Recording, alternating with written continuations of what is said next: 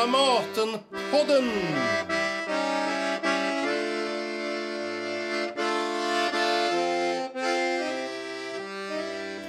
Välkomna till Dramatenpodden som idag ska handla om Berusade av Ivan Viripajev. Jag ställde ett par frågor till Viripajev inför premiären på Dramaten.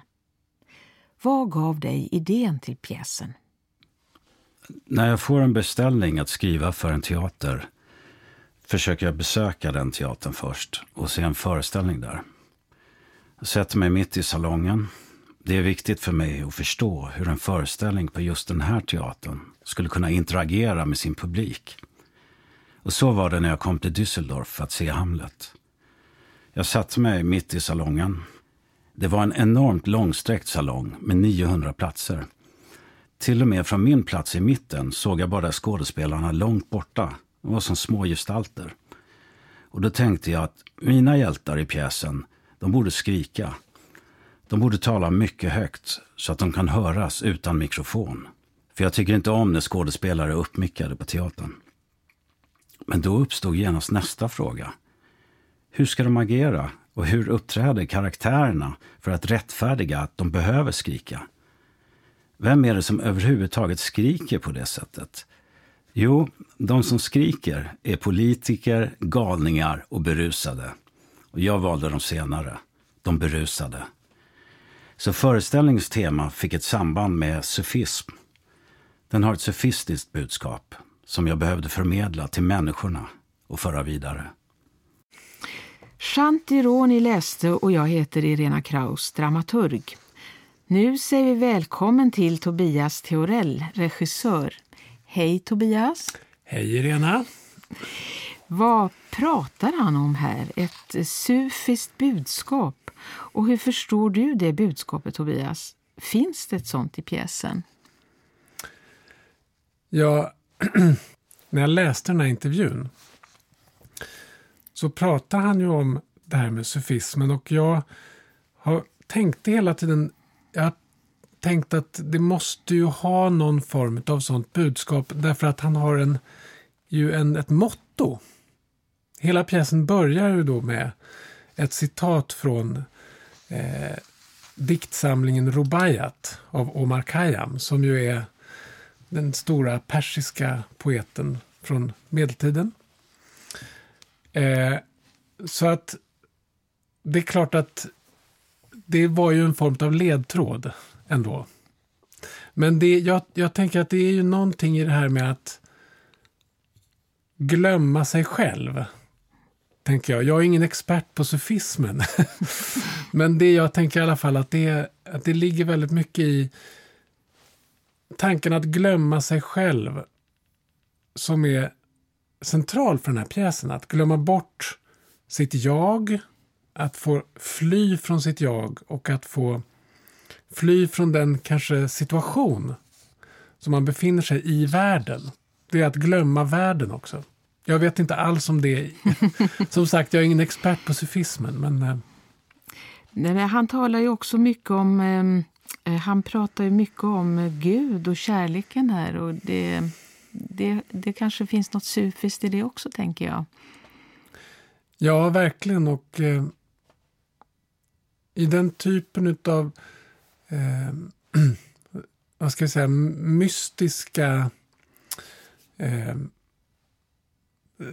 tankegångar eller religioner eller så, så är ju Gud, alltså det handlar ju väldigt mycket om att gå upp i någonting som är större än mitt eget jag. Det tror jag är centralt i den här pjäsen. Att det, det handlar om att de här personerna längtar efter ett sammanhang. De längtar efter Gud eller de längtar efter i alla fall någonting som ger mening och som är större än det som är jag själv, mitt privata jag och mina privata eh, bekymmer och ångest och eh, det, allt det futtiga och det som... På, jag uppfattar också att det finns en väldigt stark kritik eller en, en eh, diskussion från Vyripajev som handlar om det materialistiska. Mm. Alltså det materialistiska världen vi lever i idag. Där de andliga värdena är borta i väldigt stor utsträckning. Mm. Um, kärleken är Guds sanna väsen, står det någonstans. Och um, att um, de här människorna på något sätt renar sig själv kanske då genom kärleken till Gud och till varann, eller? Ja, men jag tror att de, de, de längtar efter och de letar efter det. Men jag tror inte att de har, de har inte hittat vägen. Mm. De hoppas på att det ska kunna finnas en väg som de ska hitta. Men de, är, de har liksom inte, de är inte så metodiska, eller de har, inte, de har inte hittat sanningen. De påstår ju att de har hittat sanningen. De får allihopa, eller många av roll, några av rollfigurerna här, och i nästan i varje scen så är det ju någon som får någon form av uppenbarelse, kan man säga. Och den här uppenbarelsen är Alltså uppenbarelsen är inget svar utan det är egentligen en fråga. De påstår ju någonting om Gud eller världen eller eh, men i själva verket så är det en fråga. Mm. De bär ju på väldigt mycket känslor också kan man väl säga och i vissa fall stora hemligheter. Eh, vi kommer rätt in i ett eh, crescendo i vanliga fall så brukar det väl ändå finnas en viss startsträcka, tänker jag. Men hur handskas man med det här i en uppsättning? Ja, men det fiffiga här är ju att alla är så otroligt eh, fulla hela tiden. Det var, det var ju en väldigt spännande ingrediens i den här repetitionsprocessen. Det är att det är väldigt många frågor som vi, i alla fall i Sverige, brukar vi ofta kan man tänka fastna i vissa typer av frågeställningar. Varför gör min rollfigur så här? Eh, att vi söker en sorts logik i... Det är ju också vår skådespelartradition i, i Sverige. Särskilt här på Dramaten. Och då är det, det, jag upplevde det som att både jag som regissör och skådespelarna på ett sätt upplevde en sorts befrielse i det där. Att det, berusningen har sin egen logik. Alltså, eller berusningen eh, avväpnar oss från logiken. det är klart att det finns en logik och man måste grunda allting och förstå på något sätt varför man gör det. Men, men det blir en helt annat sätt att tänka och mycket mer intuitivt, mycket mer kroppsligt, mycket fysiskt. Mm.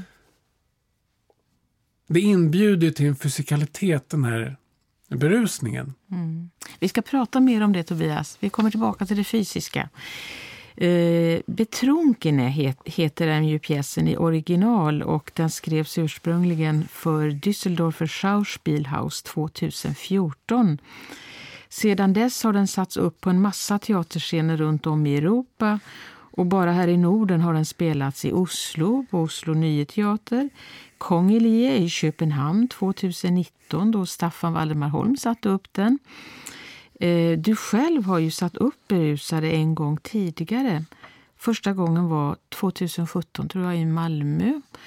Vad, vad var det som fick dig att vilja göra den på nytt? Var du inte färdig med den?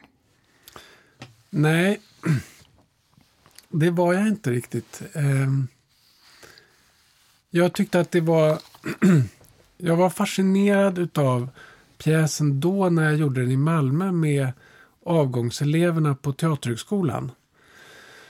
Eh, jag tyckte att det var fortfarande en massa frågor kring det här. Och det var så också stimulerande att arbeta eh, med det här materialet. Så jag, jag kände väl att Dels så skulle jag, tyckte jag att det skulle vara roligt att få göra det här med Dramatens ensemble. Jag tänkte att det skulle, att det skulle gå att hitta andra typer av nyanser i, i pjäsen än när man gör det med en eh, teaterhögskoleklass. Det blir väldigt, två väldigt olika typer av energi. Och jag var lite intresserad av att se hur, hur det skulle förändra pjäsen. Om, om det, eh, ja, plus att det är, det är fantastisk, alltså det är ju på ett sätt en present för en skådespelare tycker jag det här. Och det är en pjäs där alla som är med har väldigt bra roller. Och det tyckte jag var roligt att få göra just på Dramaten. Mm. Den känns, ju, eh, den känns ju väldigt rysk på många sätt av naturliga skäl såklart. Eh, men när man talar med Viripajev själv så säger han lite överraskande att de här personerna förmodligen är i Sverige.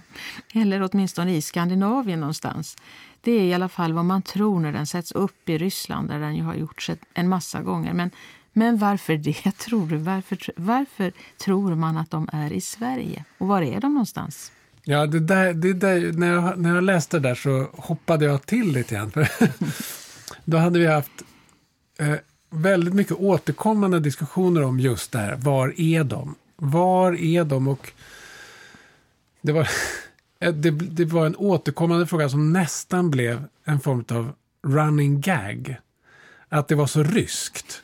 Att vi hade ett sorts... Eh, Ja, det, vi hade ett, vad kan man säga, ett återkommande skämt som var så här, jo, jo, men det är för att de är ryssar. Eh, och sen då, när jag läste här så var jag tvungen att komma tillbaka till Tanksamhället och säga, vet ni, så här säger Vyrypajev. Jag tycker, alltså för mig är det, ja men för mig är det väldigt tydligt att det pågår i, någonstans i Västeuropa, i alla fall, en västeuropeisk storstad. Eh, kanske, kanske i Tyskland, kanske i Sverige. Det är på ett sätt ointressant var någonstans. Jag tänker också att den globaliserade värld vi lever i och också i det Europa som vi lever i.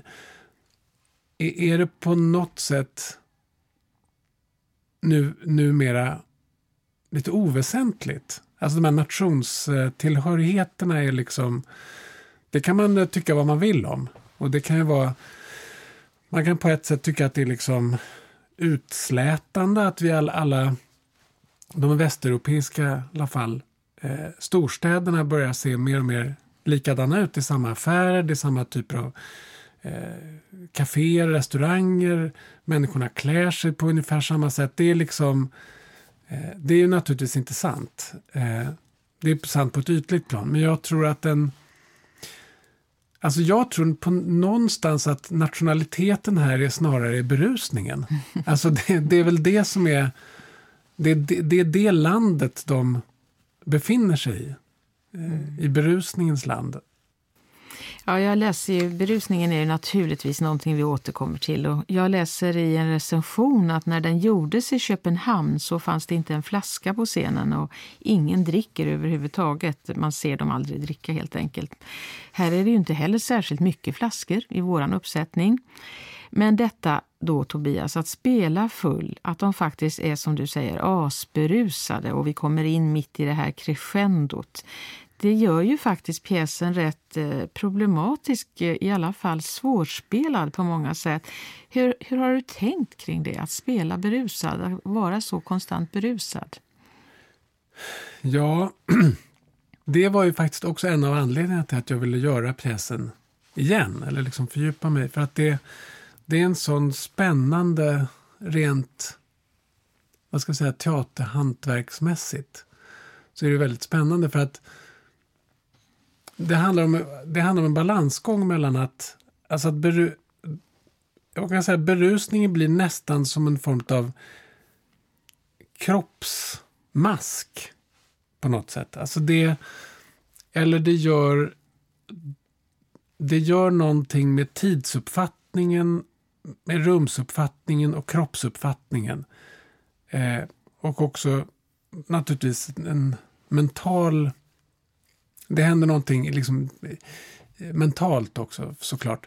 Men jag tänker att det, det, det handlar ju om att balansera Ja, men man upptäcker ganska snabbt att det går inte att spela de här scenerna nykter. För då blir det liksom...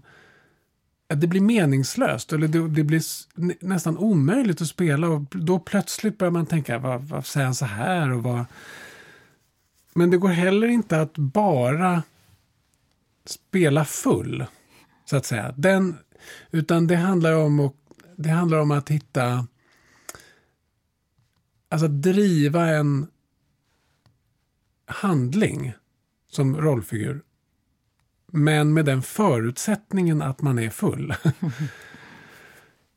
Och jag, jag, jag, tänker att det är också någonting som är intressant med att eh, vi, vi experimenterade ju väldigt mycket med eh, liksom när det handlar om att etablera den här fyllan. Alltså, det, det är så att man, man kan inte spela liksom så full hela tiden för då blir det ju... Eh, men man kan... Alltså man måste reglera. Man måste tänka så här, nu struntar vi lite grann i den här fyllan. För nu måste det liksom rinna på. Nu måste de... Det viktiga hela tiden är situationen. Och vad rollfigurerna driver för någonting. Det är ju liksom det som är. Men det måste, då är också så att fyllan blir en del av den handlingen. Den får inte bara bli ett utanpåverk, utan den måste ju vara integrerad i rollfigurernas universum. Du har jobbat med en koreograf här då också, Lars Bettke. Ehm, och eh, jag, jag, undrar också då lite grann, det hör väl antagligen ihop här då, men vad du tänker att det koreografiska kan tillföra. Eh, vad kommer först, kroppen eller ordet? Ja, den, den är ju på ett sätt omöjlig att svara på här. Och Det är också därför som Lars Bettke vi var ju ganska noggranna med att säga det att, att eh, Lars var koreograf och biträdande regissör. För att det går, det är liksom, det är inte så att han, att jag har regisserat och han har gjort rörelser. Och liksom, utan det går så mycket in i varandra. Det, det är ett sorts, det blev ett eh, väldigt tätt samarbete. Och där tror jag ibland skådespelarna kanske undrade, vad är det här nu då med biträdande regissör? Men det... Ja, men jag skulle säga just för att det går så mycket hand i hand.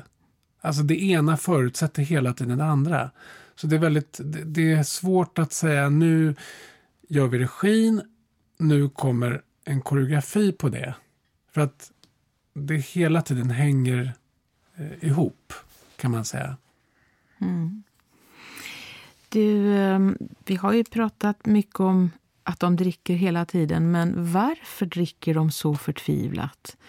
Eh, du har sagt, tror jag, någonstans att det här extre den här extrema berusningen har nästan en Beckes kvalitet. Vad tänker du kring det? Jo, det har den ju verkligen. Och eh, Det uppstår en form av absurditet som är som hos Beckett helt logisk. Eller det, finns, det är ingenting som är... Det är inte konstigt, så att säga, för att det är absurt. eh, men jag tänker att de... Ja, varför dricker de så här mycket? Jag tror att det är så att de själva är förvånade över att de dricker så mycket. De själva är förvånade, de är överrumplade över att de är så fulla. Jag tror att må väldigt många av de här rollfigurerna, de allra flesta, de brukar inte vara så här fulla. Eller kanske har varit det någon gång så. Men jag tror att de själva är som sagt överrumplad över det. Och det är också det som gör att de kan få såna insikter i det här. För att de är, de är helt utanför sig själva, så att säga. De är utanför sin egen sin egen zon eller de, de gör någonting som är utanför deras personligheter. Någon som verkligen står lite utanför tycker jag, de, annars hör de ju ihop i par här i pjäsen på något sätt, men den som står lite utanför de andra är väl ändå Rosa och det gör hon också tycker jag i, i, i förhållande till sin klasstillhörighet. Eh, hon kanske egentligen är den enda som är så att säga nykter. Vem är Rosa? Ja, hon är... Ja, ja hon, hon är på ett sätt eh, den enda som är nykter, men... Ja, men jag, eller kanske det är snarare så att hon är den enda som har en verklig kontakt med en högre makt, skulle jag säga. Vi höll ju på väldigt mycket att experimentera där med nivåer av fylla. Alltså vad man ganska snabbt upptäckte det är att så fort folk blir olika mycket fulla så blir det lite konstigt. Alltså det är som att man måste spela i samma tonart. alla som förekommer i en scen, mer eller mindre. Men jag tänker att Rosa är också en person, jag tänker att Rosa i den här pjäsen är ju framtiden. Hon är ju den som går också in i framtiden. Man tänker att hon går därifrån på slutet och har någonstans nått en insikt. Så tänker jag i alla fall. att hon... Den är ju ganska, alltså den andra akten är ju på ett sätt, den är ju en ganska positiv akt. Det är mycket hopp i den. Alltså man tänker i allt det här mörka och jobbiga och så, så är det ändå så att de eh, man tänker att det finns någon form av framtid och man tänker att jo men här är vi ju eh, jo men det här ska vi ändra på. Det finns en sorts tro på att det går att förändra. Och hon är ju den som har, alltså på ett sätt kan man säga mest att förändra. Mm. Och det handlar både om hennes position i samhället, hennes eh, syn på sig själv också. Och att handlar om att på något sätt ta makten faktiskt över sitt eget liv. Ja, du pratar om andra akten här Tobias också i förhållande kanske då till den första akten förstås. Eh, pjäsen har ju en slags uppbruten dramaturgi och man känner att han skriver, alltså att Viripai skriver i en helt annan tradition. Den är som ett pussel kan man väl säga. Första gången jag såg Viripajev introduceras på en svensk scen det var på Galeasen med Illusioner 2014. Och jag minns att jag, jag tänkte att jag faktiskt aldrig hade sett någonting liknande. Um, men uh, det, den är väl på många sätt som en slags variationer på ett tema. Och det finns inget egentligt centrum i pjäsen, säger Viripajev själv. Hur ska man förstå den dramaturgin? Ja, men den är som en sorts kaleidoskop eller, eller pussel som du säger. Men, men jag tänker att den är ju också... Alltså på ett sätt är den uppbruten och på ett sätt är den inte det. Därför att den är liksom... Det är scen för scen har en form av på ett sätt ganska naturalistisk uppbyggnad ändå. Alltså det är scener som har rollfigurer som hänger ihop eh, på något sätt. Så den är inte uppbruten på det sättet att, det, att den är dekonstruerad. Eh, tycker inte jag. Men den är ju mer... Alltså den, den, den ligger ju nära filmen eller det episodiska ganska mycket. Och eh, den, den har ju... Alltså den har det där kaleidoskopet på det sättet att det är liksom de här olika kristallerna liksom hamnar i nya konstellationer, men kristallerna är de samma, så att säga. Det finns en sorts, eh, vad ska jag säga, parallellitet eller en sorts, en sorts liksom regelbundenhet i den också. Där, alltså den är liksom matematisk nästan på något sätt. Att man tänker den träffar den. och alltså ju, ju mer man kommer in i pjäsen och fördjupar sig i den, desto mer sådana samband ser man mellan de här, alltså, och samband också mellan de olika scenerna. Alltså parallelliteter mellan en rollfigur liksom är på ett vis eller säger någonting i den scenen som tas upp av en helt annan figur, en helt annan scen senare. Alltså de, de samtalar liksom med varandra trots att de är helt självstående enheter. Det tycker jag är jätteintressant. Ja, det tycker jag också, verkligen. Mm. Men det är, det är väldigt roligt med pjäsen, tycker jag. Och, eh, det är som en godispåse för en dramaturg just. Men det är också det tycker jag, den är väldigt överraskande. Man förstår ju ofta inte när de börjar en, en scen så plötsligt förstår man att oj, det är en ödesdag, det är den här dagen när vi gifter oss och det här uppstår och så vidare. Mm. Ja, det får man se när man kommer och tittar. Men du, jag skulle vilja tala lite om genren också du talar om den som en komedi och jag, jag läste den väldigt mycket mörkare första gången jag läste den. Vilket jag faktiskt inte riktigt förstår nu för när jag tittar tillbaka i manuset inför vårt samtal då börjar jag gapskratta på en gång. Men var ligger den på en skala och hur balanserar man det där? Ja, det är ju en komedi, men den är, jag tror att den, den blir ju inte rolig. Den är inte rolig på det sättet som eh, Eh, eh, liksom en, eh, en rolig fars är rolig. Den är ju rolig för att den är så tragisk också. Tänker jag. Den är rolig för att den är dråplig. Den är rolig för att den är som halsbrytande. Både alltså det börjar, hela pjäsen börjar med ett slapsticknummer. Som är liksom som man på ett sätt både skrattar och gråter åt. Alltså någon, någon person som är så full så att han inte kan stå. Det är väldigt roligt. Och det är också jättejobbigt att titta på. Såklart. Men det är, jag tänker att den där, det ligger väldigt mycket i den fysiska komedin. Eh, där kommer jag tillbaka lite grann till Lars eh, Bettke faktiskt. För att eh, vi gjorde ju eh, vi, stolarna här mm. på, på Dramaten. Eh, och då koreograferade han ett, eh, kan man säga, ett, ja, ett slapstick-nummer i den föreställningen. Eh, och det var så vi också kom att gå vidare med det här. Men jag tänker att den, dels så är det, och sen är det också så att i det här rummet som, som är Magdalena Åberg har scenograferat, eh, så är det ju så att det finns ett element som är också innebär, eller som bär på en komik, och det är vattnet. Alltså, vi har vatten på scenen hela tiden. Och det, det här vattnet är ju både kom, alltså det är ett komiskt element och också ett tragiskt element. Att ramla och halka omkring i vatten i en smoking är både roligt och, och tragiskt. Men jag tror att det är ju en Alltså det är ju en komedi och han tycker ju själv att det är en komedi. Mm.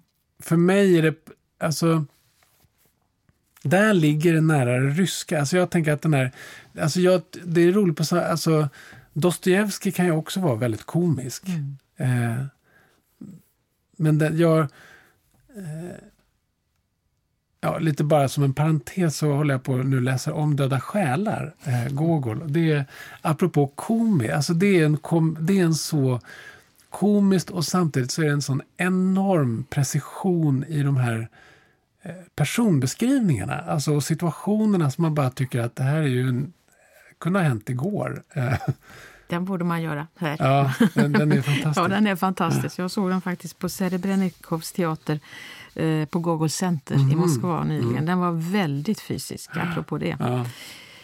Eh, ni lyssnar på Dramatenpodden och jag samtalar med regissören Tobias Theorell om hans uppsättning av Ivan Viripajevs pjäs Berusade. Jag ställde ytterligare en fråga till Ivan Viripajev om hur det är att vara författare i Ryssland idag. Ja, mina pjäser visas över hela världen. Och förmodligen så sätts de upp i större utsträckning ute i Europa än i Ryssland. Jag själv började regissera i USA just före pandemin och hade premiär i New York. Jag fick erbjudande om att fortsätta arbeta i New York, men då infördes karantänen. Det innebär att jag inte enbart är en rysk författare och när det gäller mitt arbete i Ryssland så spelas mina pjäser över hela landet. För det finns ingen politik i mina pjäser. I Ryssland finns det, som ni vet, censur. Man kan inte skriva om allt. Så det har blivit så att jag inte skriver om något som är förbjudet i Ryssland.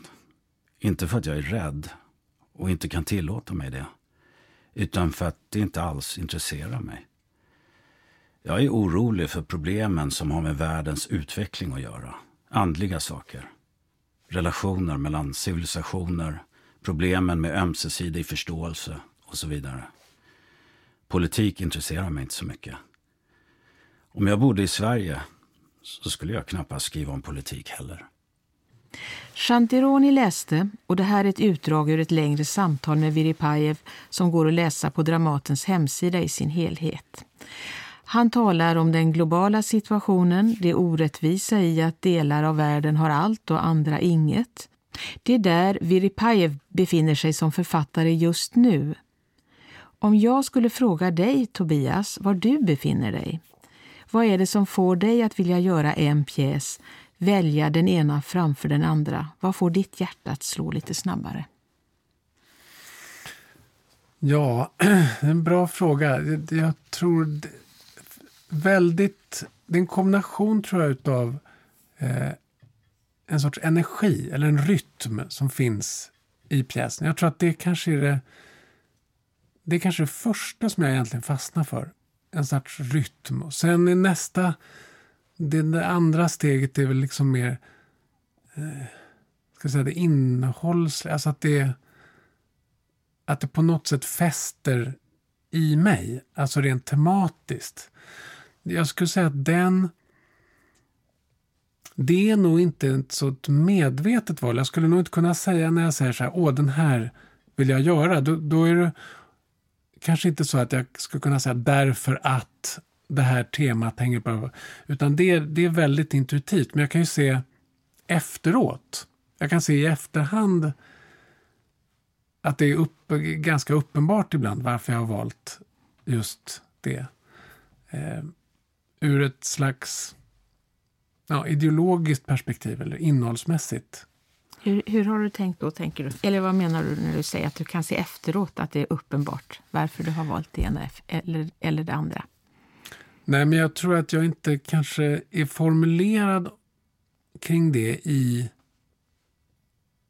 i stunden. Alltså jag, jag tror att på ett sätt så är det ett intuitivt, det kan, jag vet inte, alltså men det, det finns ju väldigt mycket liksom mystiska föreställningar kring det här.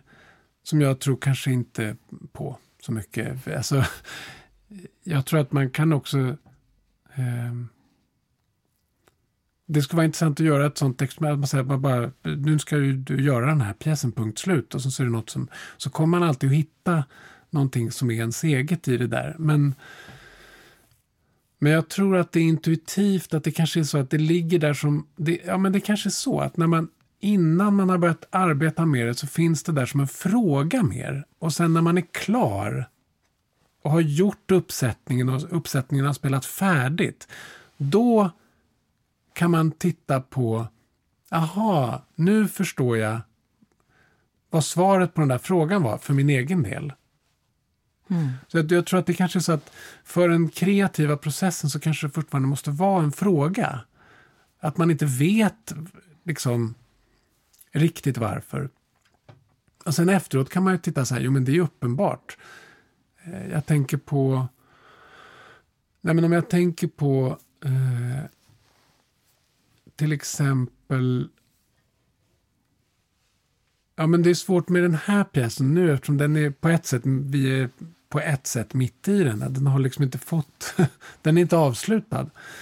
Eh, men om jag tittar på till exempel stolarna så kan jag ju se nu så här att jo, men det handlar ju väldigt mycket om min rädsla för döden eller för liksom eh, eller min rädsla för glömskan.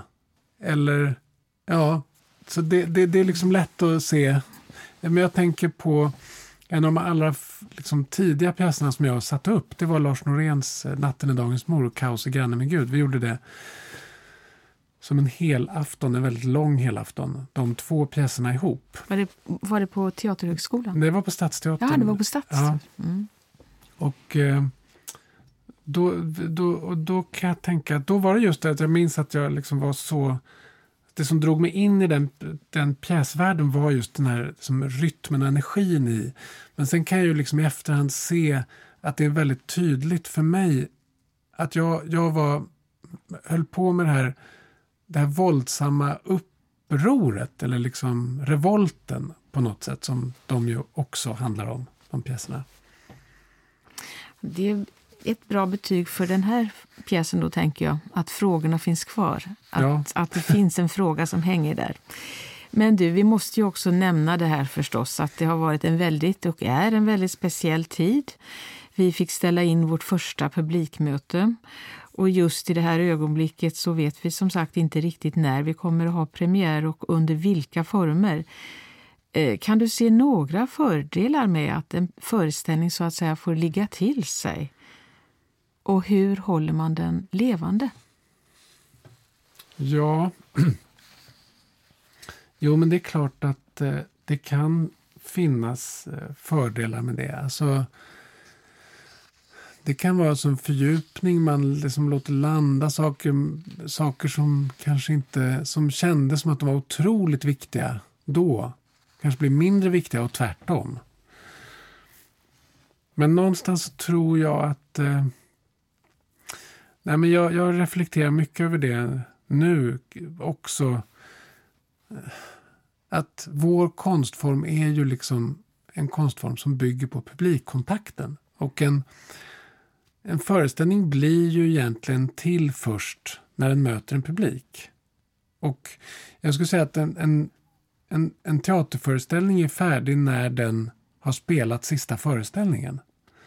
Det är då först man vet hur den var egentligen. Alltså, för, det, för det...